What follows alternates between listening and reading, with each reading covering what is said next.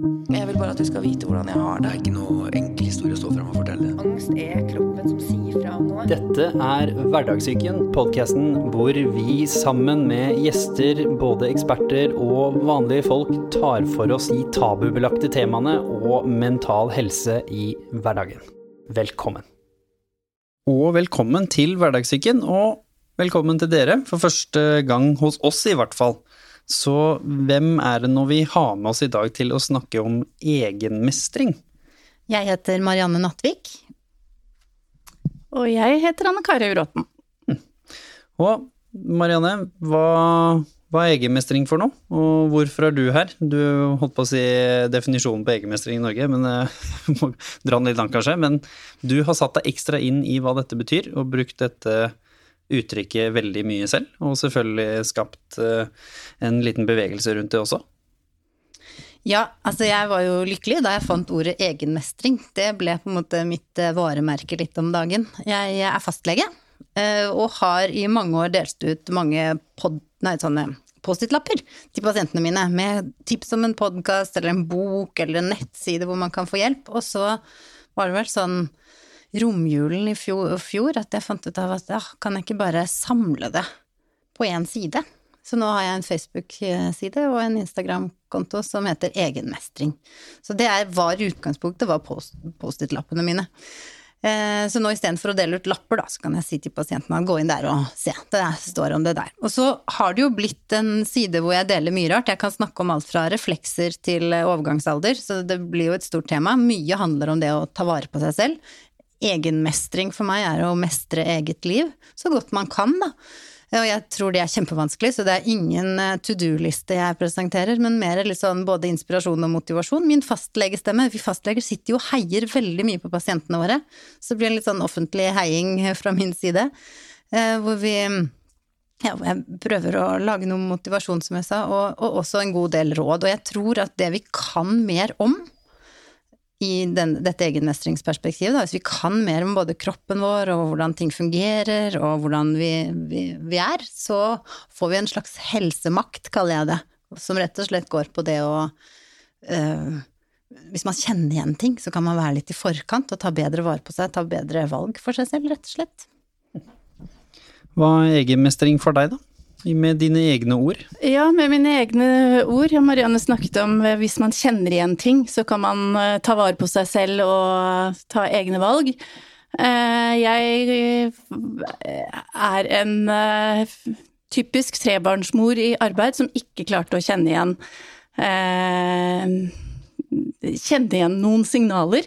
Eh, En eh, ja, en aktiv mor med tre barn og en spennende jobb og har eh, holdt på med det de fleste i min situasjon gjør, med eh, ja, dugnader og følger opp barn og er med i styreverv og jobber og eh, Og det er, veldig gøy.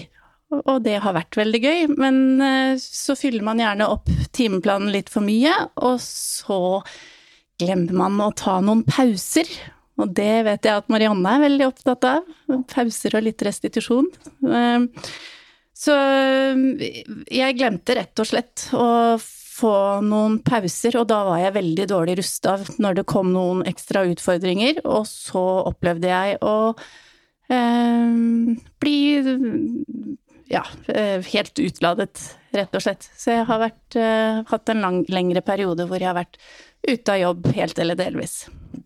Utbrent, rett og slett, som til og med har blitt definert som en egen definisjon nå, fra eh, flotte WHO som eh, stappa det inn der, så det er nå i hvert fall eh, noe som ikke trenger å være like tabubelagt som det var kanskje før. Hvordan har på en måte det egentlig påvirket litt fastleger? Altså at man faktisk nå har en såkalt definisjon på det, for vi har jo hatt episoder om det før, hvor det var litt sånn at for kanskje ti år siden så var det nesten Visste man ikke hva man skulle kalle det engang, på en måte. At uh, man hadde rett og slett brukt opp batteriet uten å lade det i mellomtiden, for å ha en øh, folkemannsdefinisjon. Mm. Um, for meg har det vel ikke vært så stor forandring. Nå hva har jeg vært fastlege de siste ti årene, er vel det. Så lang min karriere er. Så jeg føler at det har vært helt anerkjent og helt på plass i mitt vokabular og diagnosesetting, i hvert fall. Og, og er opptatt av å prøve å plukke det opp og hjelpe pasientene til å se det også tidlig, før det liksom blir en sånn ordentlig stor uh, ball å løse opp i, da. Hmm. Ja, fordi jeg har jo delt litt før eh, min egen eh, erfaring. Holdt på å si min versjon av burnout. Alle har vel sin egen versjon, føler jeg. Men hvor det også da, som du sier, veldig kanskje ikke så flink til å ta tegnene, føler at dette skal man få til, og så pusher man igjennom, og så begynner man kanskje å skorte på de tingene som, som ville kunne ladet deg opp, da. Og så på et eller annet tidspunkt så skjer det kanskje noe helt uventa, og det er jo livet. Nå har vel hele verden fått eh, det ganske tydelig forklart i 2020, at det kan komme noe som ingen så komme, som skaper ting som legger seg på toppen av alt annet.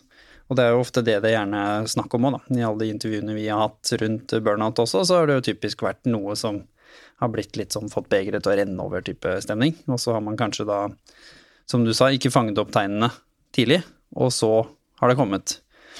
Så hvordan var det for deg når det først skjedde? Hva, hva var det som, hvordan oppdaga du det, på en måte, at nå har begeret rent over? Hvordan er det å mm. stå i en Eller hvordan var det å stå i din versjon av burnout? Ja, nei, det er det som er utfordringen, tror jeg, for mange. Det er at man oppdager det så altfor, altfor sent. Eh, og selv når jeg sto i det, så skjønte jeg ikke hvor alvorlig det hvor alvorlig det var. Um, og det startet vel egentlig med at jeg begynte å bli mye, mye trøtt og sliten, litt dårlig konsentrasjon. Tenkte jeg har vel noe mangel på noen vitaminer, og fikk sjekka ut jern og um, Og da satte vel legen meg litt på sporet, om jeg kanskje ja, han spurte hvor mange barn var det du sa du hadde, og hvor mye er det du jobber, og ja, satt meg litt på sporet, men jeg tenkte vel at eh, nei, men jeg er jo vant til å ha, ha mye å gjøre, dette går bra.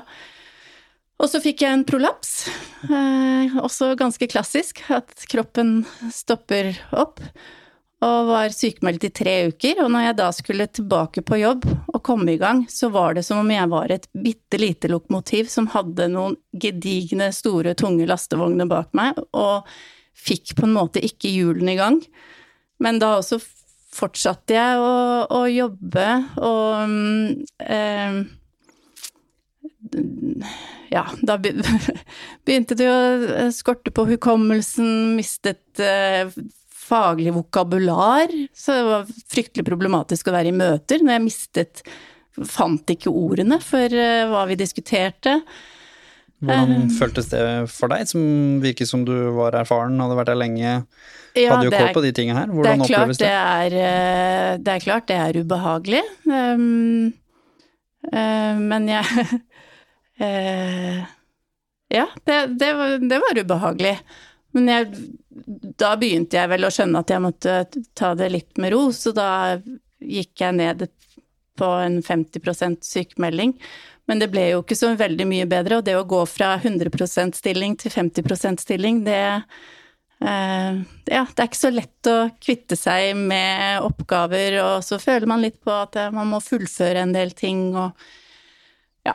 I hvert fall hvis man liker jobben sin litt i tillegg, da, så Absolutt. er det jo vanskelig å begrense seg ja. til 50. Det tror jeg alle som har prøvd ja. vet, eh, det funker dårlig. Ja.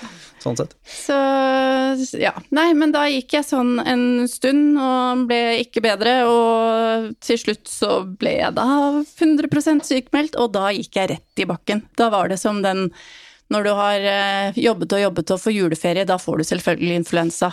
Det var litt sånn den følelsen, at jeg, nå var det ingenting som var forventet av meg, og jeg bare eh, flata ut på sofaen. Gikk i postkassa, henta avisen og måtte hvile når jeg kom hjem, og, eller kom inn igjen.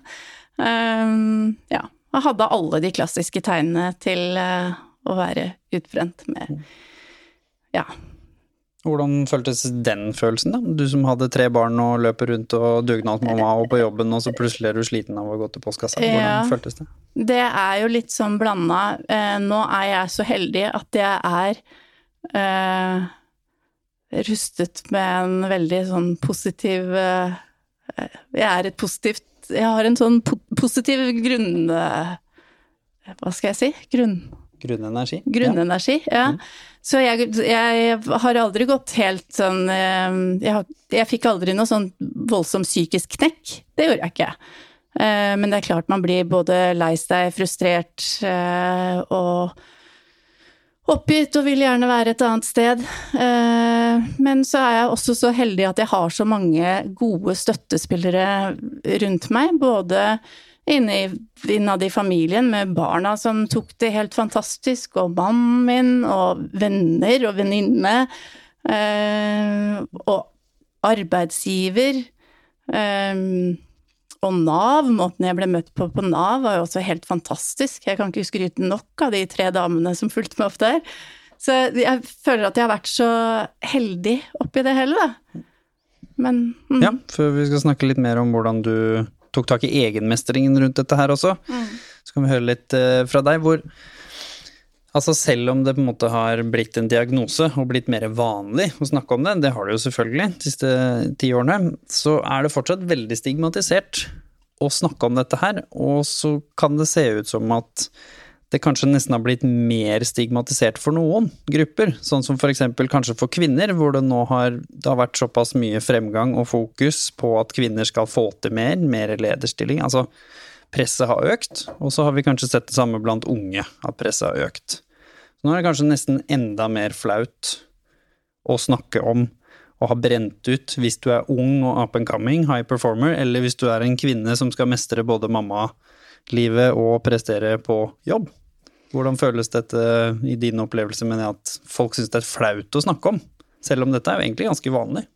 Jeg vet ikke om jeg opplever det som kanskje så flaut, men mer en sånn identitetskrise. At man på en måte setter mye identitet i det å prestere. Og at nå, når man da ikke får til det man forventer av seg selv, eller det som man sammenligner seg med i forhold til andre, da, så blir det en sånn eh, litt sånn, litt sånn kriseopplevelse. Så det er liksom én side av det. Og det andre er vel også at det er en del av disse symptomene her som man ikke rett og slett helt kjenner igjen. Altså vi får jo ja, vi opplever jo som leger å få pasienter eh, vi møter på legevakt, kanskje særlig dette litt sånn akutte hvor vi tror det er hjerteinfarkt eller vi tror det er hjerneslag, ikke sant. For det er sånne rare symptomer kroppen gir fra seg. Så må man selvfølgelig avklare det. Eh, Men at det da er det, man, det det egentlig viser seg når man liksom har fått avklart at det ikke var dette akutte, så er det rett og slett eh, kroppen som sier fra på rare måter. Så det er ikke alltid vi kjenner igjen dette her, det som bygger seg opp, da. Um, men, at, men at man Vi legger et stort press på oss selv, er helt enig, og at vi, vi tenker i dag at vi må, vi må prestere og vi skal få det til, og vi har et sammenligningsgrunnlag som blir litt sånn rart i forhold til hva man kanskje hadde for 20 år siden, da, når man ikke hadde særlig sosiale medier hvor man sant, Vi deler jo det som er vi får til, det er sjelden vi deler at vi ikke får til, og så er det det vi sammenligner hverandre med, mens eh, det var det mindre av før, da. Mm. Var dette noe som du kjente på? Fordi som du sa, altså, du slår meg jo ikke nå eller før som en dame som på en måte ikke var til stede eller fulgte med her. Så det handler jo kanskje mye om de tingene. da. At du følte at ja, men dette har jeg fått til før. Du sa det i stad. Mm. Dette har jeg jo gjort før. Det går det jo fint nå også. Hvorfor skal det ikke funke denne gangen, på en måte? Mm. Så hvordan kjente du på det med at ja, både det med å sammenligne med deg selv før, men også kanskje sammenligne deg litt med venninner og bekjente og Mm. kollegaer rundt deg, da? At dette får jo alle andre til. Ja, eh, jo, jeg øh, øh, Jeg har tillatt meg å ha, ha de følelsene innimellom hvor man tenker sånn åh, hvorfor skjer dette meg? Og øh, begynner jeg rett og slett å ja, får jeg, får jeg ikke dette til lenger? Men jeg egentlig har vært ganske kjapp med å ikke la de tankene feste seg, da. Fordi det var jo så tydelig at jeg hadde hadde fått til ting litt for godt for lenge, på en måte. Fått mestret eh, å ha mange baller i luften, og nå ramla alt, alle ballene ned. Um, Det var litt det jeg sikta til, at det kanskje var derfor du ventet lenge med å å ta på en måte grep, da. At du følte at jo, men dette skal jeg få til. Litt, Ja. Fordi det er jo veldig vanlig at vi venter jo altfor lenge. Ja. Vi får jo gjerne en hev i smellen før vi sier hei, å ja, kanskje jeg trenger å justere litt eh, ting i livet. Ja. Det kan nok stemme, det. At jeg er vant til å få til ting. Og da tok det litt til tid før jeg skjønte at, at jeg måtte gjøre noen grep. Mm. Hvor vanlig på en måte er dette å bli møtt med? Du som er lege og sikkert har møtt mange forskjellige mennesker. Vi vet jo litt statistikken og sånn rundt dette, der, men hvor, hvor vanlig er det at du også møter mennesker som ikke har truffet veggen ennå, men hvor du, fordi du er jo litt ekstra engasjert i det, som du sa i stad, påpeker og kanskje hinter til dem at hei, kanskje du må gjøre noen justeringer i livet, fordi potensielt det her kommer ikke til å gå bra. Mm. Ja, det er jo en del av sånn stressmestring, tenker jeg, hvor vi både kan være i forkant før det går skikkelig gærent, og jeg, jeg snakker litt om et sånt stressbarometer, som jeg er litt opptatt av, hvor vi, der, det, der er det soner, det er grønn og gul og oransje og rød sone, hvor i den grønne sonen, der, er der har vi det bra. Der er vi liksom uthvilt, og vi sover nok, vi spiser nok og riktig, og vi er sammen med mennesker som gjør oss glad, og gjør ting som er bra for oss, pust som gjør at vi puster helt ned i magen. Og så er det denne gule sonen hvor vi er i arbeidssonen, og der må vi, når vi skal jobbe, så må vi være litt på. Vi skal være litt stressa, der kaller jeg det positiv stress. Uh, og der, altså sånn som hvis vi nå hadde, hvis vi tre som sitter her nå hadde vært i grønn sone, så hadde praten blitt mer svevende. Ikke sant? Nå må vi skjerpe oss litt, vi må være her og nå. Så det gjør at vi vokser, og at all forandring er litt stress, men det kan være i gul sone så lenge vi liksom kjenner mestring, vi føler det er forutsigbart, og vi har kontroll. Og mister vi de tre faktorene der, og, eller det varer over veldig lang tid, eller oppgaven blir liksom uhåndterlig, så kommer vi over det som jeg kaller oransje sone da. Og da man har vært der, altså gul sone veldig lenge, det er ikke så bra. Så det, det, vi trenger egentlig bare gul og grønn sone, veksle mellom de. Hvis vi klarer det, da er vi ganske, da er vi gode på stressmestring. Da er vi det positive stresset, og så går vi tilbake i det grønne hvor vi henter oss inn, da.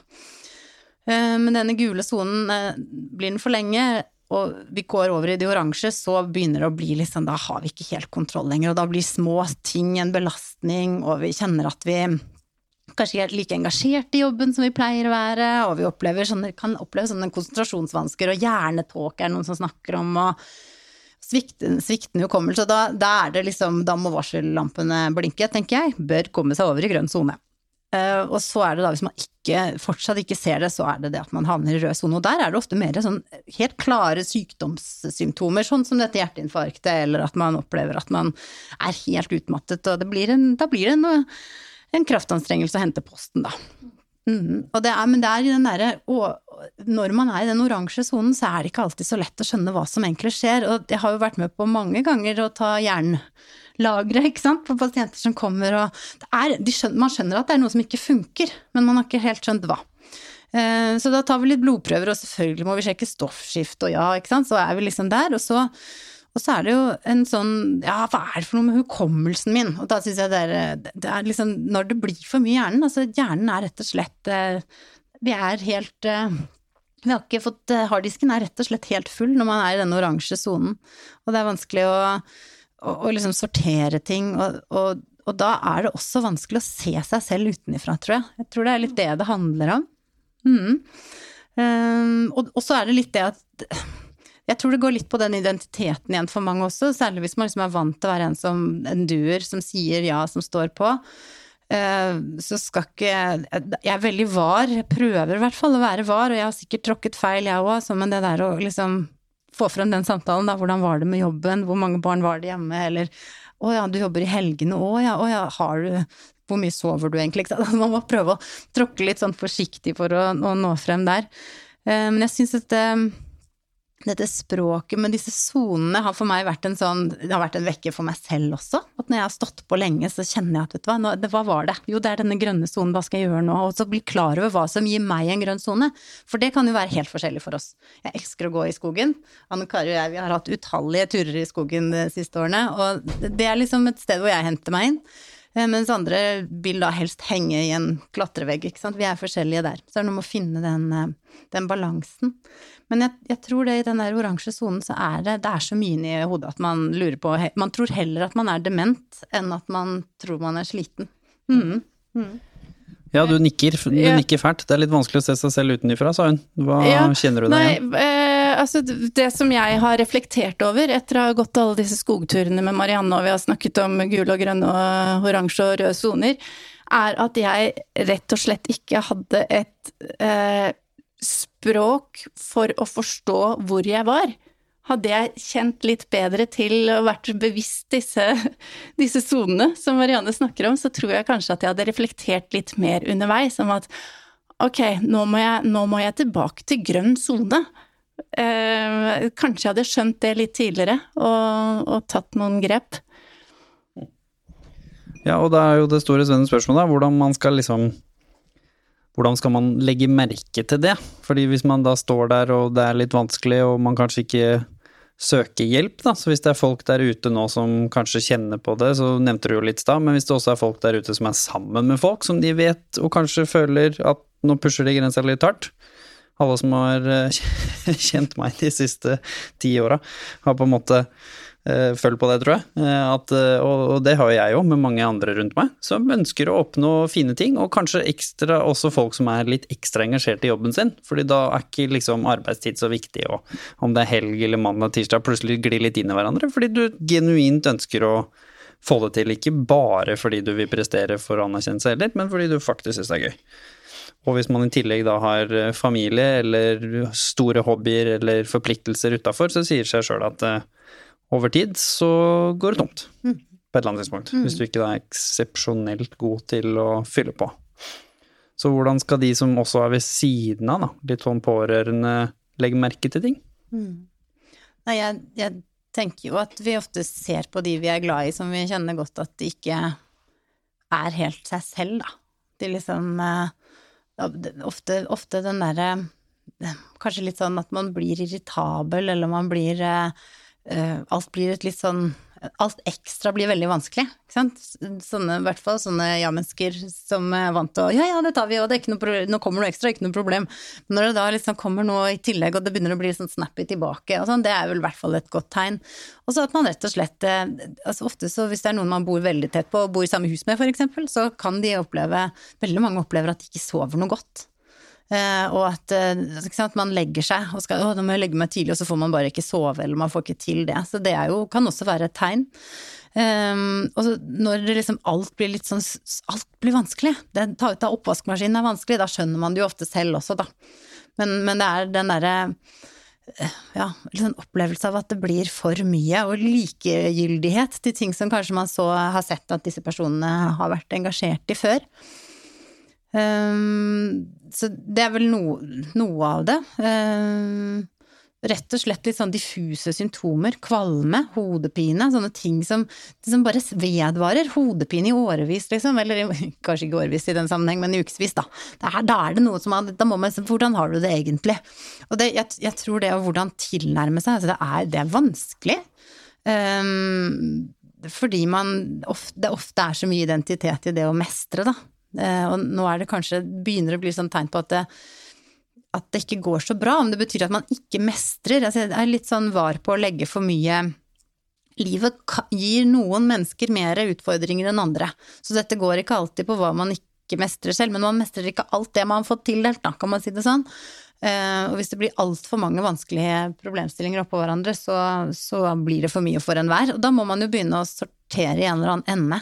Jeg veldig opptatt av sortering eh, i forhold til det å prøve å gjøre god stressmestring og finne ut av hva er det som aktiverer meg, kaller jeg det. Altså denne, de som drar det litt inn i koronatiden, da. Nå er vi ganske mange av oss ganske mye mer aktiverte enn det vi pleier å være. Det er bare det å gå i butikken ble plutselig litt stress fordi man hadde glemt det munnbindet, eller man skal, man skal, holde avstand til hverandre, eller bare det å skal Jeg skal ikke ta bussen til butikken, for jeg hadde ikke er, Vi tenker mye mer. Skal, skal ikke. Hvordan skal vi ordne jula? Kan jeg være sammen med dem? Kan jeg ikke være sammen med dem? Å, vi er igjen for mye. Altså, det er mye mer aktivering enn det vi pleier. Og når det blir mye aktivering, da er vi på hele tiden. Vi får ikke liksom hentet oss inn. Så det er en sånn eh, Ja, det, det, det blir Nå prater jeg meg ut av hvor vi var hen. Det er veldig fint. Ja. Fordi hva er det som egentlig gjør disse tingene så komplisert? For er sånn borderline-sykdomlidelse, på en måte, mellom psykisk og fysisk helse. Det er jo selvfølgelig sterkt connected til at man fysisk gjør for mye over tid, men det er også sterkt connecta til stress, som du sier nå, og tankene våre, og at man ikke hviler kognitivt. Så det er jo en sterk korrelasjon mellom to her. Hva ved det er det som gjør dette så vanskelig å ta tak i, kontra noe som er 'å ja, nei, du er deprimert, ja, men da har vi kål på det', eller du bare 'å ja, nei, du har knokket beinet', den er jo enkel, den tar vi. Men den her virker som man liksom sklir mellom to stoler, og gjør kanskje jobben for en fastlege ekstra vanskelig, da, for du veit jo ikke hvor du skal begynne å nøste. Ja, nei, du jobba for mye, men det gjorde du i fjor òg. Da jobba du kanskje ti timer mer, men i år så kom det belastning fordi barnet ditt er i risikogruppen, og så bang, kommer burnouten når du har gått ned i stilling, altså gir liksom ingen mening. Så hvordan tar man tak i det som fastlege, den derre at som du sier, når pasienten kommer inn og forteller, så det er jo ikke A4 at dette er burnout. Nei, absolutt ikke, og da tror jeg den sorteringen er viktig. Og en del av sorteringen er jo å utelukke somatisk sykdom og, og psykisk sykdom. Og hvis man på en måte ikke setter noen altså finner ut av at blodprøver er fine og kroppen er ganske grei, og så merker man at det er jo ikke egentlig en depresjon, men ikke, man skårer liksom ikke helt inn i der heller. Så blir man jo en sånn, som du sier, sånn, det er en sånn mellomtilstand. Og så må man da rett og slett se på hva er det som aktiverer, og det var det jeg var litt inne i sted, jeg prata meg selv langt inn i korona og ut av Men det er den der sorteringen, ikke sant. Hva, det, når mange ting aktiverer oss, så blir totalen for mye, rett og slett. Og så da, da, blir vi helt eh, Ladestasjonen, som jeg sier, den er liksom helt Vi er helt fulle i toppen, og da harddisken er helt full. Mm. Ja, nei, det var det jeg måtte gjøre når jeg hadde landet, ligget litt på sofaen uh, et par uker, måneder. Uh, så startet jo jeg også den sorteringsjobben, hvor, jeg måtte gå inn og se på ok, hva er det som Eh, hvilke situasjoner gjør at jeg blir stresset? Hvilke situasjoner klarer jeg helt fint? Eh, hva bør jeg gjøre mer av? Hva bør jeg gjøre mindre av? Men da, det forutsatte jo at jeg hadde kommet opp på et nivå hvor jeg hadde den energien til å foreta den sorteringsjobben, da. Men eh, jeg vil tro at det er veldig, veldig individuelt hva slags grep man skal gjøre når man har kommet over i oransje eller nei, gul eller oransje sone, eller til og med rød sone. Uh, mm. ja. Ja, litt hvordan gjorde du det? Skrev du det på ark? Skrev du, og så diskuterte du? Hvordan sorterte man? Ja, jeg man? gjorde alt. Jeg skrev på ark, og jeg diskuterte med venner og snakket med Jeg hadde jo Da var jeg jo også inne i, i Nav-systemet, så jeg hadde jo flotte damer der som var virkelig så konstruktive og flinke og eh, Ja, kom med mye, mye bra råd og, og tips. Og øh, Nei, jeg startet Altså, jeg gjorde alt fra sånne små, enkle ting, som for eksempel så oppdaget jeg at morgenene stå opp når vi er alle fem nede på kjøkkenet. Noen har dårlig tid, vet at eh, nå kommer de snart for sent på skolen, hvis det ikke går nå, de har fortsatt ikke smurt matpakke. Da begynte jeg å stresse. Så jeg sluttet å stå opp om morgenen til alle de andre var ute av huset. Og ofte fikk jeg kaffe og avis på sengen. Så det er sånn, ok, en helt annen start på dagen. Eh, jeg har eh, snakket mye. Det tror jeg har vært veldig viktig for meg, å være åpen. Snakket med kollegaer, arbeidsgiver, venninner, familien.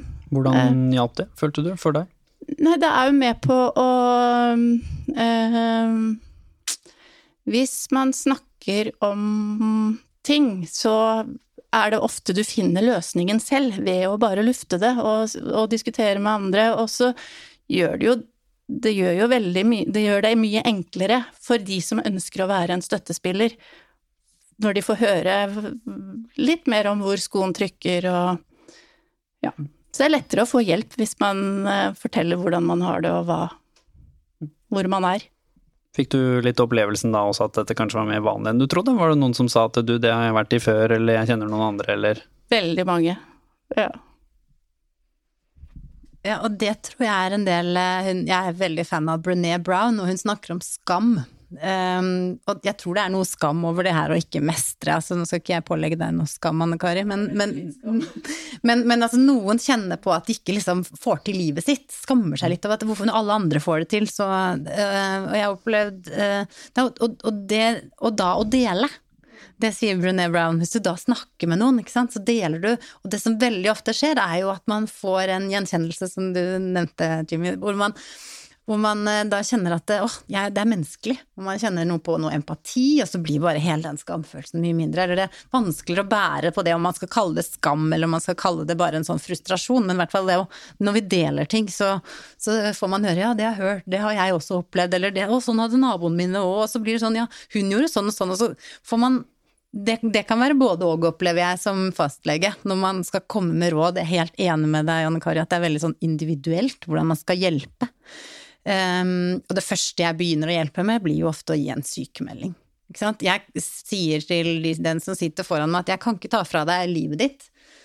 Du har liksom, eller alt det du har hjemme, med barn og jobb og Nei, med barn og familie og det som skjer der. Men det jeg kan avlaste deg litt på nå, det er å lage en sykemelding. Og så vet jeg at det er så bra å være i jobb for mange mennesker. Det er så mye identitet, det lager noe rutine i hverdagen, det er bare superbra. Man føler seg nyttig, så det der å ta fra noen jobben kan være kjempe Det kan også være en stressfaktor. Og så er det som dere var inne på i sted, dette med 50% sykemelding. det er kanskje det første man går med på, da, eller mange, mange som kommer i denne situasjonen, er jo noen som har mye identitet til å være i jobb. Eh, og så kan det være vanskelig, så det, det, spør jeg ofte om, da. Hvis, jeg, hvis, du får 50% jobb, betyr det at du må gjøre 100% av jobben på 50% av tiden? Er det sånn det blir, så vil jo ikke dette bli en reell avlastning for deg. Og så snakker vi litt sånn helt konkret om hva, hva kan du ta bort? Hva er det du ser du kan ta bort? Så sånn 20% sykemeldinger i denne sammenhengen er jo bare tull og tøys. Men, men, men å finne liksom da og så må man jo møtes igjen, ikke sant. Hvis jeg er fastlegen og du, du kom, da vil jeg, vil jeg tatt deg tilbake igjen, og så må vi snakke videre, er det noe annet jeg kan bidra med? Men ofte så er det jo mange som bruker en sykemeldingstid til å begynne en sånn prosess, at man begynner å tenke på hva det er som er, og hva det som står på. Og så tror jeg det kan være veldig nyttig å snakke med, i hvert fall hvis man har gode ledere, å snakke med lederen sin også om hva er det som, hvis man får gjort denne sorteringsjobben og sett litt på hva det er som, hvor, som aktiverer så mye, da, så er det noe på jobben man kan mista oppgaver. Og så må jeg bare si, jeg bare kom på det i sted, den opplevelsen du har hatt med Nav er så utrolig flott. Eh, det må jeg rett og slett berømme, for det er jo, jeg må være helt ærlig på at det er ikke alltid det er sånn. Og det tror jeg ikke har så mye med de som jobber med, på Nav å gjøre, men Nav-systemet i seg selv kan jo være ganske utfordrende. Men Anne Karis opplevelse med Nav har vært helt Det har virkelig vært en, det har vært en skikkelig ressurs for deg. Det er hyggelig at de historiene får komme ut i offentligheten nå. Absolutt. Og hva var det som hjalp for å si det til kollegaer og ledere, sånn at du fikk en annen forståelse, går jeg ut ifra, men, men, hva var det som liksom hjalp med det? Ja, eh, det første, altså sånn når det gjelder leder, det er jo eh, helt avgjørende å ha en god dialog med leder hvis det er behov for å gjøre noen endringer i arbeidsoppgaver eller um, arbeidstider. Eh, så jeg møtte jo mye forståelse der, både med eh, med tanke på å kunne eh, ja, prøve helt nye andre oppgaver, eller ikke ha oppgaver Altså, jeg jobber et sted med mye, mye frister og høyt prioriterte saker, og at jeg kunne slippe slippe saker hvor risikoen for eh, skade var stor, hvis jeg ikke klarte å gjennomføre. Eh, og Ja, og, og da, Ja. Men, og min leder var jo også ærlig på det at dette her, dette her må vi gå opp sammen. Det var jo nytt for henne, det var jo nytt for for meg, og eh, det var jo jeg som måtte definere mine behov. Hun kan ikke Altså, jeg visste jo ikke engang selv hvor jeg var. Da er det enda vanskeligere for en leder å vite hvor jeg var, og hva, hva slags behov jeg hadde. Så, så, det var veldig nyttig. Og det å snakke med kollegaer, så oppdager man at ja, andre har vært i lignende situasjon, og så eh, har man noen som passer litt på. Og, sånn når man kanskje sier ja til for mye igjen, så er det sånn Anne Kari, husk på at eh, ja, du har energi i dag, men det er ikke sikkert at den er der i morgen. Selv om du føler deg helt frisk i dag, så hold igjen litt. Litt til. Så var med å hjelpe meg med å dempe iveren min da, når jeg begynte å føle meg bedre. Så er det jo fint å ha noen å snakke med. Fint å vite at eh, andre vet. Ja. Mm. For meg var det bra. Det er ikke sikkert at det er riktig for alle andre. Og hvordan balanserte du den biten der med å på en måte identiteten som vi snakket om i stad? Både at du aksepterer nå at i hvert fall over en viss periode så må jeg jobbe på en annen måte, strukturere det på en annen måte, med da den nye versjonen av deg selv, da, holdt jeg på å si. Hvordan takla du det? Det er klart, jeg, jeg har kjent på det, at det er, ikke, det er ikke noe gøy å gå fra å være eh, flink og super og få til ting og eh, ja, eh, til, til å måtte begrense seg og jobbe litt, litt saktere, bruke litt lengre tid på ting, og det er jo ikke noe gøy, men, men heldigvis så har jeg eh, jeg har vært så heldig at jeg har, at jeg har vært mentalt sterk oppi dette her.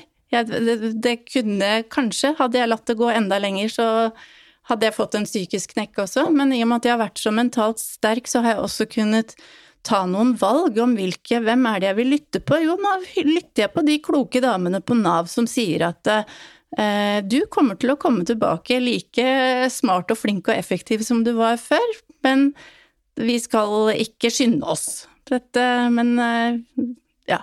Så da valgte jeg at ok, det, det stoler jeg på.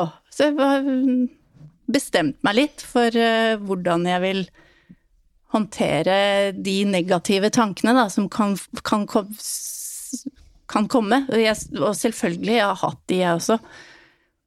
Men jeg har ikke lagt, latt de feste seg.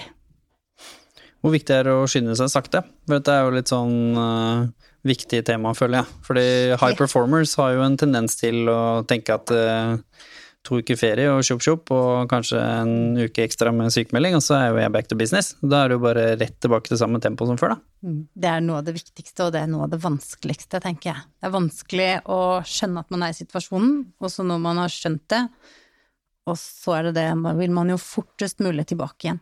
Så det her er kjempeutfordrende. Mm. Men det er, da tenker jeg det er liksom få på plass de tre faktorene som gjør at vi ofte blir mer stressa, og få på plass en mestringsfølelse, få på plass en viss grad av kontroll, og få denne forutsigbarheten på plass i hverdagen. Hvis man kjenner på det, så mestrer man mer. Og det tror jeg har vært for deg, Anne Kari, en viktig del, da, at dere snakket om på jobben hvordan, hvordan, du kunne få til akkurat dette, sånn at når man endelig gjør noe, så mestrer man. Og så er det de at, Noe som utfordrer mye, er jo disse dagene som er så bra, hvor man har lyst til å bare ah, kjenner at man har bare gutser på, og så bare bom, er man rett i kjelleren. For det første er det den dagen etter, sånn skikkelig ned i kjelleren, er så utrolig kjedelig, for man trodde man var på vei oppover bakken. Men i tillegg så er det jo det å holde igjen når man ser at man egentlig kunne gitt mer i dag, fordi det kanskje vil hjelpe meg i morgen. Altså det er sånn det vil kjennes litt på. Det er, det er kjempevanskelig. Eh, og, det, og, også det der å, å tenke at ting som er hyggelig, må si nei takk til ting som vanligvis man ikke tenker at man har brukt energi på. Altså det der å være med venninner eller være med sosialt, eller bli med barna på et eller annet som man tenkte at nei, det, det, det koster meg ingenting, fordi det gjorde det ikke før. Men akkurat nå gjør det faktisk det.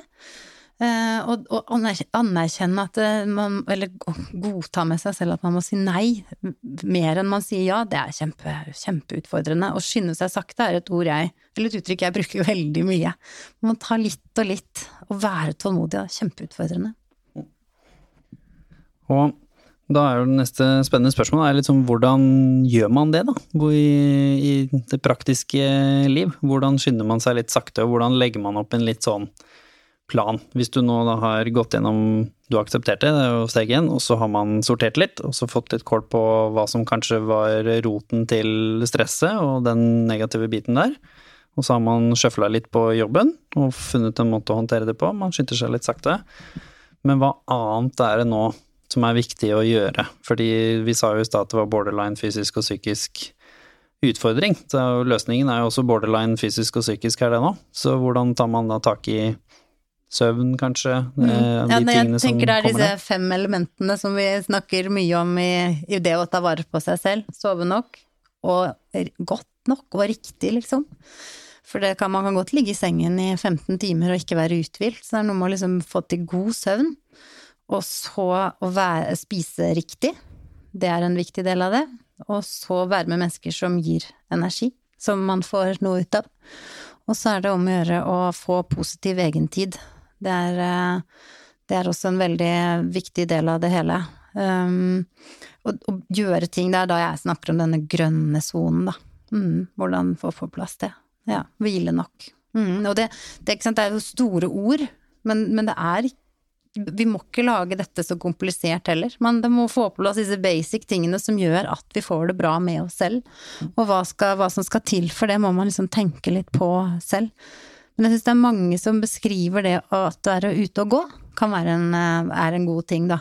Eh, noen har jo Ofte så har man en erfaring av at trening er bra. Hvis man Eh, Hvis man er sånn man har hatt det før, da. Det, det, det livet før man liksom møtte at det ble for mye. Eh, og, og, for noen er trening kjempebra også i restitusjonen etter en utmattelse, men for noen blir det også helt feil. For en kropp som er ganske på bånn, den, den, liker ikke så godt å bli kjørt så hardt. Så vi, der er vi forskjellige, men det å gå tur, om den er i fem minutter eller om den er i en og la den bli litt lengre og kjenne på at åh, dette kjennes godt og litt og litt og litt mer, det tror jeg er en positiv ting. Det å komme seg litt ut. Om det begynner med å gå til postkassen, da. Men da er vi i hvert fall i gang med noe. Hvorfor er vi mennesker så selvdestruktive? Det virker liksom som om at eh, når vi har det tøft, eh, sånn som dette her, og pusher på, så har vi jo en tendens til å til og med gjøre ting vi veit er bra for oss. Så det er, liksom, det er, jo ikke sånn at eh, de fleste som har blitt utbrent, ikke visste at det var smart å sove. Det er jo ikke sånn at vi bare spiste på McDonald's. Altså, det er jo veldig ofte man ser at de, det er jo de samme menneskene som også er den som har hatt gode treningsrutiner, egentlig, som sover ganske bra, har kanskje tatt relativt godt vare på seg selv, spiser noe, altså stort sett sunn mat. Men akkurat i liksom den sluttfasen der, så ser vi at de tingene går også ned, fascinerende nok. Har ikke overskudd til å lage hjemmelagd middag, blir det takeaway. Ligger og tenker og reflekterer litt mye over den deadlinen, ja, men da glapp to timer av søvnen. Og så liksom går det nedover. Hva er det med oss eh, mennesker som gjør at vi virker som vi blir nesten litt sånn mindre kloke, på en måte, når vi har det tøft, da? Sånn som nå med korona, hvor det er veldig mange som har det tøft der ute. Ja, det går vel litt på kapasitet, da. Vi er vant til at vi takler mye, og så blir det bare mer og mer. Eh, og så når da man er eh, tilbake til den aktiveringen, og det er sånn spinner, det er litt sånn fullt oppi der, og så blir da den søvnen dårligere. Det velger vi jo ikke selv at søvnen blir dårligere, men da lader vi jo mindre. Ikke sant? Så vi blir mindre uthvilt. Og interessant studie som ble gjort i Finland, um, som um, studerte De fulgte 1200 menn i 40 år som hadde gått på Handelshøyskolen i Helsinki, og så delte dem i 6, 600 i hver gruppe. Over 40 år så har du fulgt dem ganske lenge. Eh, den ene gruppen fikk masse oppfølging, hvordan ta vare på seg selv med fokus på hjerte-karsykdom. Eh, ikke, ikke røyke, holde vekten. De fikk oppfølging med jevnlige blodtrykkskontroller og blodprøver og liksom, sunn livsstil var fokus, da. Den andre gruppen gjorde man ikke noe med, man stoppet ikke dem til å gå til legen eller sånn, men, men de fikk ikke den tette oppfølgingen. Og men, resultatet var at selvfølgelig mye mindre hjerte-karsykdom i den gruppen som var fulgt opp, men den andre gruppen eh, det var allikevel med flere som døde i denne hjerte-kar-gruppen, altså de som ble fulgt opp. Og så ble man litt sånn hæ, hva er dette for noe? Så så man litt nøyere på studien, og da så man at de som hadde eh, altså Man så at de som klarte seg best, det var de som hadde tok, For det første tok de seg ferie. Tre uker. I hvert fall tre uker. Og de, de samme mennene, de sov også mer. Så det, den der å få på plass, altså liksom, sang, hva jeg skal si, enden på visa her, tenker jeg at kan, det er veldig viktig å ja, ta gode valg i forhold til røyking og kosthold og aktivitet, men det holder ikke. Du må også lade deg selv. Og det skjer i pauser gjennom dagen, det skjer i soving om natten, og det skjer i ferier.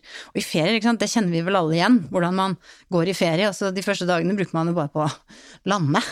Nesten en uke, er det noen som bruker på å lande. Og så skal du ha ferie, men så jommen meg skal du jo begynne å jobbe snart òg. Så man, det, det, er helt logisk for meg i hvert fall at tre uker burde man ha. Og da tre uker hvor man kanskje kjenner at det, ja, det, er det, det, der at man ikke har med seg jobben og ikke er tilgjengelig hele tiden. Og det er jo veldig mange roller som er sånn. Så hvis man hele tiden lurer jeg, tror, jeg tror kanskje vi, om vi ikke er selvdestruktive, så kanskje vi lurer oss selv litt. Vi mener at vi har helg, men så er vi litt på hele tiden allikevel. Eller vi mener at vi har ferie, og så er vi litt på. Eller vi, vi, vi tenker at ja, vi tåler noen netter uten søvn, og så, og så, lag, så blir det for mye, da. Mm, og da klarer ikke kroppen å gjøre de riktige tingene etter hvert, når det har blitt for mye over tid. Hvor viktig er det å gjøre ting litt sånn midt på dagen også? Fordi det er jo typisk at vi nå tenker ikke sant, ja men da setter vi av et par timer etter jobb, og det er gjerne akkurat klokka da og da, da har vi egen tid, da kids har lagt seg, da, ikke sant. Så begynner vi å tulle det til, og så har vi fortsatt da ingenting som skjer mellom åtte, sju, når enn vi dro hjemmefra, til fem, seks, sju, åtte, avhengig av jobben du har, til du er hjemme. Og da kan vi jo ramle i den samme fella. Så hvor viktig er det å prøve også å finne noen luker midt på dagen, og ta tak i sånne minimeditasjon, surre rundt bygget, altså hva nå en kreativ forslag? Kjempelurt. Eh, det å ta pauser undervurderer vi som mennesker, tror jeg, som er i jobb. Vi, vi tror at vi er i en eller annen Når vi er i flytsonen, da, for den kan vi jo ha kjent på at åh, nå var jeg i gang. Eh, så tror vi at vi er så veldig effektive at vi vil ødelegge hele arbeidsprosessen hvis vi tar oss fem minutter, men forskningen viser jo det at det lønner seg. Det lønner seg å la hjernen få lov til å hvile litt. Så det å bruke sånne det finnes jo mange forskjellige apper eller en vanlig alarmklokke på å liksom si at eh, fem minutter av hver time burde man egentlig lufte hodet. Det er kjempelurt, så de pausene er gylne. Og så er det en ting jeg er litt opptatt av nå på, med alle som sitter på hjemmekontor. Det er, det er veldig mange utfordringer med å sitte på hjemmekontor, men det som er en av de fine tingene, er jo faktisk det at uh, man nå kan utnytte dagslyset. For vanligvis på denne tiden av året så går vi til jobb i mørket, og vi går hjem igjen eh, i mørket. Men å, å avklare med leder og komme seg ut og få gått seg en tur rundt lunsjtid, for eksempel, det tror jeg er kjempesmart. Men, eh, men, jeg er helt enig med deg, og ikke tenke at alt skal skje At det er et, etter jobb vi lader, da. Eh, det tror jeg er veldig, veldig lurt. Men, og, og, og spesielt disse her små pausene som liksom ja, om det er en bøy og tøy, eller om det er å hente seg en kaffe, eller om det er å gå tisse. Altså det er mange ting vi utsetter fordi vi tror vi er sånn i arbeidsflyten at vi ikke gjør det. Jeg har faktisk begynt å gå litt eh, på dagen selv om jeg er på kontoret. Jeg har vært såpass heldig uheldig alt ettersom å være på kontoret under, under hele koronatiden. Eh, og da har jeg gått nå, nå som det har begynt å bli mørkt, også midt på dagen. Ikke hele tiden, skal jeg på ingen måte skryte på meg, men innimellom så klarer jeg kanskje å gå en 10 minutter, 15 minutter tur mens det er sol, sånn som du sier, eller lys i hvert fall, og surre litt rundt jeg, spesielt de dagene hvor jeg vet at det er en lang dag. Og jeg kommer jo fra toppidrettssiden og idrettssiden, og der er man jo alltid veldig opptatt av det. Man skal på en måte ikke spille seg selv dårlig. Hvis du vet at den dagen her er den lengste treningsdagen jeg har til forberedelse til et eller annet, så er det også den dagen du må være ekstra snill med deg selv. Det er den dagen du må være ekstra flink med de tingene også, på en god måte, da. Så hvis du vet at nå har jeg en deadline på fredag, så det vil si at de, altså hele denne uka her kommer til å være seint, så må du da kanskje tenke at å ja, men da trenger jeg litt ekstra egentid. Litt ekstra søvn. Og så si nei til andre ting, da. For eksempel eh, to venninner som skulle ha noe, eller fetteren din skulle hjelpe til å flytte, eller hva det nå enn er. Og, og lære seg da å si neste uke, da er jeg der da kan jeg være med på den middagen eller den teen. Fordi hvis ikke så blir det sånn typisk at du skyter deg selv i, i foten og lurer på hvorfor det er vondt, på en måte. Og det har vi hatt mye positive erfaringer med, å gjøre det på den måten her. Hva tenker du om det? Helt enig. Supert. Dette er en del av forebygging, tenker jeg før det kommer. Man klarer å se hva man trenger før man, før man er der. Eh, og det, det, skaper mer grønn sone, det her, at man eh, gjør det på den måten der. Veldig, veldig lurt. Og så er det en del også av det å skynde seg langsomt hvis man, når man er gjennom og begynner å komme på plussiden, at man ser at nå, nei, nå er det faktisk fullt denne uka her, jeg rekker ikke dette også. Da tørre å si nei uten å bli redd for å bli avvist i neste runde. Da er det jo mer å bli god på å si nei på en sånn måte at man det kan jo også være en aktivering, da, at man sier nei på en sånn måte at man uh, ikke Ja, at man er redd for å bli ikke, ikke bli invitert på nytt, ja, for å si det sånn. Mm. Mm. Men det, der tror jeg det um, Den sårbarheten vi deler, da, man gjør når man forteller at man ikke har det helt bra, den, den tror jeg også er med på å lage relasjoner. Uh, når jeg sier at jeg har ikke en god dag, eller at jeg klarer ikke dette uten deg, eller nå trenger jeg din hjelp, det, det aktiverer noe i deg som ofte er eh, noe positivt. Du, det, det, det, styrker relasjonen vår. Det, er godt å bli, være trengt, det er en god følelse. Og så er det inspirerende å kunne få lov til å hjelpe. Så det at vi ikke skal være så perfekte hele tiden, det tror jeg er veldig, veldig lurt. Og at vi tør å fortelle om feilene våre og manglene våre, og styrke hverandre på den måten. For det, som ofte skjer i andre enden, er jo at man man merker at det er gjenkjennelse og deling tilbake igjen, og vi er mennesker alle sammen. Hvordan klarte du å finne noen nye rutiner da, for å være, unngå den klassiske fella at nå, nå har jeg lada opp, så nå kjører jeg samme sporet, og så går det to år, og så er vi tilbake på null, på en måte. Så hva var det du lærte som har blitt permanente endringer da, i måten du lever på, skal jeg kalle det? Jeg kan vel ikke si at jeg er helt ferdig utlært, men eh, nei, men jeg har jo gjort eh, Jeg har gjort noen grep og Altså Det er et par ting som jeg er blitt bevisst, sånn som det å eh, prioritere.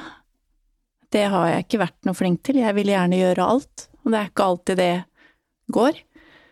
Så jeg har nok blitt flinkere til å prioritere, og så prøver jeg å ha litt sånn små pauser med sånn jeg, hvis jeg jobber mange timer, så tar jeg noen sånne små mindfulness-pauser. Ikke lenge, det er snakk om maks tre minutter, men det er med på å bare få litt sånn uh, tilstedeværelse. Hvor er jeg? Og hvis, hvis tankene ja, det, det, er lettere å samle seg om én tanke, og her jeg er nå, med noen sånne små, enkle teknikker. Um, ja, eh, turer Ja, jeg er jo mye mer bevisst på å, å få landet litt. Jeg, og jeg har generelt eh, litt mindre hektisk hverdag, men det følger jo også av koronaen, da. Det er sånn alle har, eller mange har det også mindre hektisk med at vi har hjemmekontor og man kan ikke mm, dra i så masse møter og arrangementer og mm. Så du har fått litt eh, bedre kål også på hva som gir deg energi, sånn som tur og de tingene. Så den der verktøykassa du kan trekke frem når du kjenner at du sklir over i, i gal sone her. Ja. Fordi det var jo det vi snakket om, så må du jo vite hva du skal putte på bordet på en måte for å komme tilbake igjen. Annet enn å bare gå og legge seg tidlig, for det er jo ikke så enkelt. Så har du, hva annet enn tur er det som gir deg energi, da? Når du vet at nå er en litt ekstra røff uke eller en ekstra røff dag, så, så går du den, så gjør du det i tillegg til å gå tur? Tja, hva gjør jeg? Snakke med Marianne. Det er sånn Nei, nå har jeg en tøff uke foran meg. Må vi til Nei eh... Jeg har kanskje ikke noe sånn veldig god strategi sånn i forkant, annet enn at jeg prøver å være litt sånn bevisst underveis og kjenne etter hvor jeg er Eh, prøve å ikke komme bakpå. Eh, mm. Og har du noen eh, ekstra tanker som funker for mange? Gå tur, gå i naturen. Dette er jo gode gamle kjenninger. Er det noen andre sånne store ting som du ofte har hatt suksess med å dele til, til pasienter, som kanskje mange, mange kan teste, da? Når man jeg, ikke helt vet hva som funker? Ja, nei, jeg, jeg, har litt sånn tro på både mindfulness-øvelser og meditasjonsøvelser, og at man ikke skal legge terskelen så høyt på det. Altså det både i forhold til at det er ikke noe veldig avansert, det er rett og slett et sted hvor hjernen får hvile lite grann. Eh, og bruke en app. Det finnes jo masse gratisapper eh, for dette. Eh, det tror jeg er veldig, veldig fint. Um, ja, så det er jo også veldig sånn tror det, Nå har du nevnt det mange ganger, men som i tillegg til tur og mindfulness og ta pauser og det å prate med Finne en god Ha en du kan prate litt med, finne om noen kan være litt sånn mentor eller bidra litt der. Jeg må jo si, det må jeg bare få sagt, altså, at Anne Kari er virkelig en støttespiller for meg også. Så vi, vi er jo hverandres uh, verktøy på noe vis. Uh, disse turene, der er det absolutt uh, toveis i rådgivningen. Vi, vi er jo alle der at ting kan bli mye. Altså det å bruke hverandre til å sortere. Det er noe med bevisstgjøring som jeg tror er et viktig verktøy, kanskje spille inn i tillegg da, til det du nevnte her i sted. Man, hvordan, det kan man jo gjøre på forskjellige måter. Det er noen som skriver takknemlighetsdagbok eller små dagbok og liksom skrive ned hvordan man har det. Det tror jeg kan være veldig, veldig nyttig. Eh, få ned den indre dialogen man har liksom, med seg selv gjennom dagen, kanskje i noen, eh, notater. Mm. Bli, bli bevisst hvordan man snakker til seg selv, tror jeg er også veldig viktig. Mm. Noen av oss er ganske strenge på den fronten der. Ja, vi hadde jo Trygve Skaug her, eh, Skau, som, som, fortalte når han hadde sagt til en kompis, litt sånn tilfeldig, hvordan han snakka til seg selv. Som han så på som helt vanlig. Han hadde jo aldri delt det med noen, så han hadde jo ikke fått noe feedback på det noen gang. Så kompisen hans titta på han og bare 'unnskyld, hva var det du sa?' Og fikk jo da gitt han uttrykk for at det var i hvert fall ikke sånn han snakket til seg selv. Da, så da fikk jo han den første opplevelsen av oi, kanskje negative selvsnakken min ikke er helt sunn. Eh, fordi hvordan skal man vite det hvis man aldri har spurt noen hvordan de snakker til seg selv, på en måte. Mm. Så det er jo også kanskje et viktig element eh, å, å, virkelig ta med på slutten her, da, som du sier, mm. som er innom nå. At det er kanskje en god måte å finne det ut av. Og si til noen andre hvordan du snakker til deg selv, og spørre dem hvordan snakker du til deg selv? Ikke for at man er noen konkurranse her, men kanskje for å få i hvert fall ett element på er den sunn, eller er den ikke, da. Ja. Og raushet med oss selv, det tror jeg vi skal ta med oss også, mm. Det der å romme at vi ikke skal være perfekte. Ja, og til og med romme at det er jo ikke noe mål heller. At uh, ikke i det hele tatt. Det er jo andre ting som, som er viktig, da. Og det har i hvert fall jeg opplevd, når jeg kommer fra en tid hvor jeg på en måte også skulle gjøre alt og få til alt, og ikke nødvendigvis, som jeg sa i stad heller, for å nødvendigvis få noe anerkjennelse for det, men det var bare følelsen var god. At man fikk til ting. Man likte å få til ting. Og i tillegg konkurransemenneske, så putte det på toppen, så har du en god blanding. Og så selvfølgelig en underbevisst drive om at man har store mål og skal få til ting, og kanskje jeg kom fra en lite sted og sånn. Og alle har sin historie til hvorfor man trives. Men det da også anerkjenne at den biten var ikke det som førte meg dit jeg trodde jeg skulle, som var liksom den såkalte lykken, da. Som ble målt ut av feil eh, verdier den gangen, eller feil måleenheter, rett og slett. Så for meg så ble det jo justert på karriere og gjort andre valg. Jeg ble ikke i, i, samme jobb som deg, jeg byttet jobb i min prosess fordi jeg fant ut at dette var nok antagelig ikke der jeg hadde valgt å være. Veldig takknemlig og lærte mye og alt det der. Men da justerte jeg, og det er det også mange som gjør, og som er sunt, tror jeg, å spørre seg selv i den prosessen. Jeg er veldig takknemlig at jeg spurte meg selv da. Er det dette jeg vil? For når jeg gjorde sorteringsjobben, så fant jeg en del negativt stress i jobbsituasjonen. Ikke nødvendigvis noen kollegaer eller sånne ting, men altså det yrket passet meg ikke, rett og slett, som, eh, som person. Og det var jo fantastisk eh, å finne ut av, for min del, og endra jo mitt liv. Ja. Tanker? Ja, nei, jeg bare tenker eh, Jeg hadde jo også de tankene. Man er i en prosess, og man må Det er naturlig at at jeg også var innom den, den, tanken er jeg der jeg skal være, skulle jeg gjøre noe helt annet? Men så landet jeg på at ja, jeg er der jeg skal være. Så det var jo også, men jeg måtte også gjennom en prosess for å komme, komme dit. Og det jeg tror vi egentlig er inne på her nå, det er dette med verdier. Hva vi tror på, og hvem vi vil være, og hvordan vi, vi ønsker å leve livene våre. Mm. Og når man ikke er i ikke er i tråd med dem, så aktiveres vi veldig. Så det er en viktig ting å ta med seg det, altså at man Hvis man da er på feil, i feil spor, så er det lurt å bytte. Så det er sortering, det òg. Kan det kanskje være ekstra lurt i disse koronatider, for nå har jo mange av oss kanskje fått uh, såpass store endringer, da. At man i hvert fall har fått muligheten til å tenke litt. Min var jo en kjempeskade som ble operasjon, du hadde prolaps, altså nå har alle fått eh, en prolaps, holdt jeg på å si, fra, fra, verden, som har gitt oss da den positive muligheten til å kanskje tenke oss om, da.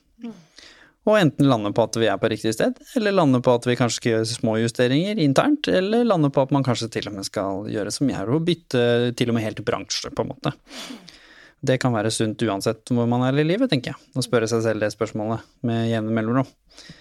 Og til slutt, hvis vi skal komme med noen tips og tanker til hvordan man kanskje kan føre den kulturen videre også, med litt sånn kanskje snakke med firmaet sitt, snakke med familien sin. Altså, man lærer jo ikke noe bare selv. Man har jo folk rundt seg, gjerne, som man kanskje kan skape et litt sunnere miljø rundt seg av. Har vi noen tanker om hvordan man kan gjøre det? Annet enn å dele det, da, selvfølgelig, som er jo steg igjen. Fortelle at man har det vanskelig, men hvordan skal man sørge for at ikke man da jobben din fortsetter å gi deg for mye oppgaver, eller at uh, mannen din eller kona di er et uh, ja-menneske, og så baller det på seg, da? Um, ja, nei, jeg tenker sånn uh, da Når man har delt, så kan man jo bli, i hvert fall på en arbeidsplass, kan man jo bli enig litt om hvordan vil vi jobbe her, da. At man drar de verdi, den verdidiskusjonen litt videre. Hva er det som er viktig for oss for at vi gjør en god jobb på denne arbeidsplassen her? Hva er godt nok for oss? Hvor blir litt sånn uh, trygge hverandre? Det tror jeg er veldig fint. Det kan være fint i en familie, og det er kanskje ikke like naturlig å, snakke om familiens verdier, men uh, ikke noe galt i det på noen måte. Um, så det å liksom bli litt enige om hvordan man vil at uh, Hvordan liv ønsker vi å ha oss i heimen, og hvilken uh, kultur ønsker vi å ha oss på jobb, tror jeg kan være å dra dette litt større.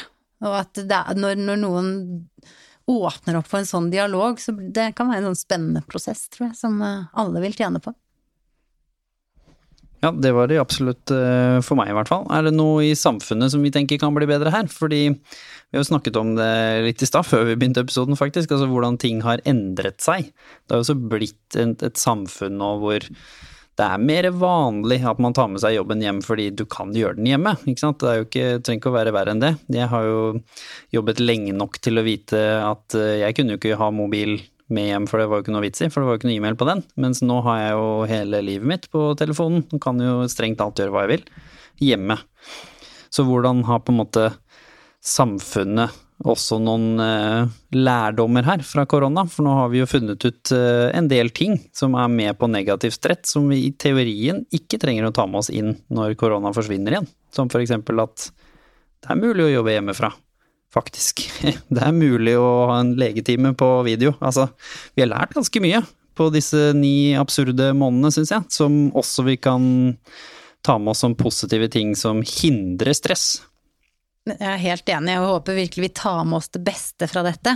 Ikke sant? Det er helt klart at legene kommer til å fortsette å ha videokonsultasjoner, men det er også helt klart at vi trenger å se hverandre.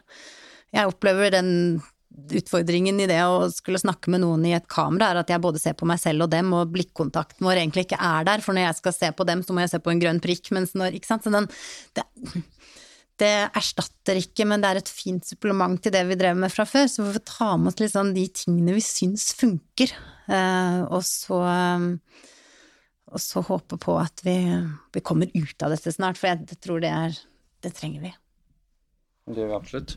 Og kjenne litt på at det går an å At ikke man måtte få til alt. Mm. Uansett. sant? Kvinne, mann, ung, gammel. At man måtte, Hvorfor skal det være et mål? At man skal være litt mer bevisst på at eh, de flotte øyeblikkene som blir delt på sosiale medier, som du sier, er jo bare de flotte øyeblikkene. Så hvis du hele tiden sammenligner deg med beste versjonen av alle vennene dine, så vil du jo aldri nå opp. Tusen hjertelig til begge dere to som da kunne komme og snakke om egenmestring. Det satte vi enormt pris på. Og ikke minst, vi kan jo finne deg, Marianne, på egenmestring. Både på Facebook og på Instagram, der hvor du deler selvfølgelig mer tips og triks rundt egenmestring og egne tanker og refleksjoner rundt dette her. Tusen hjertelig takk for at du også kom til oss og delte egen erfaring her, og litt hvordan du har kommet deg gjennom det, og fått mye innsikt og brukt egenmestring på en veldig, veldig god måte. Tusen takk til alle dere som hører på, selvfølgelig, som alltid. Og husk at du kan dele denne episoden her, for du veit aldri hvem i din sosiale sirkel som står og kjenner på de tingene her nå. Og da kan du være den ene gode vennen som gir dem innsikt. Fordi det er ikke noe tvang å trykke på play, så det å dele episoden er jo bare en mulighet for de rundt deg. Og fortsett å sende inn temaer dere vil vi skal snakke om, og potensielle gjester. Tusen hjertelig takk igjen, og ha en smashing dag, folkens. Så snakkes vi plutselig.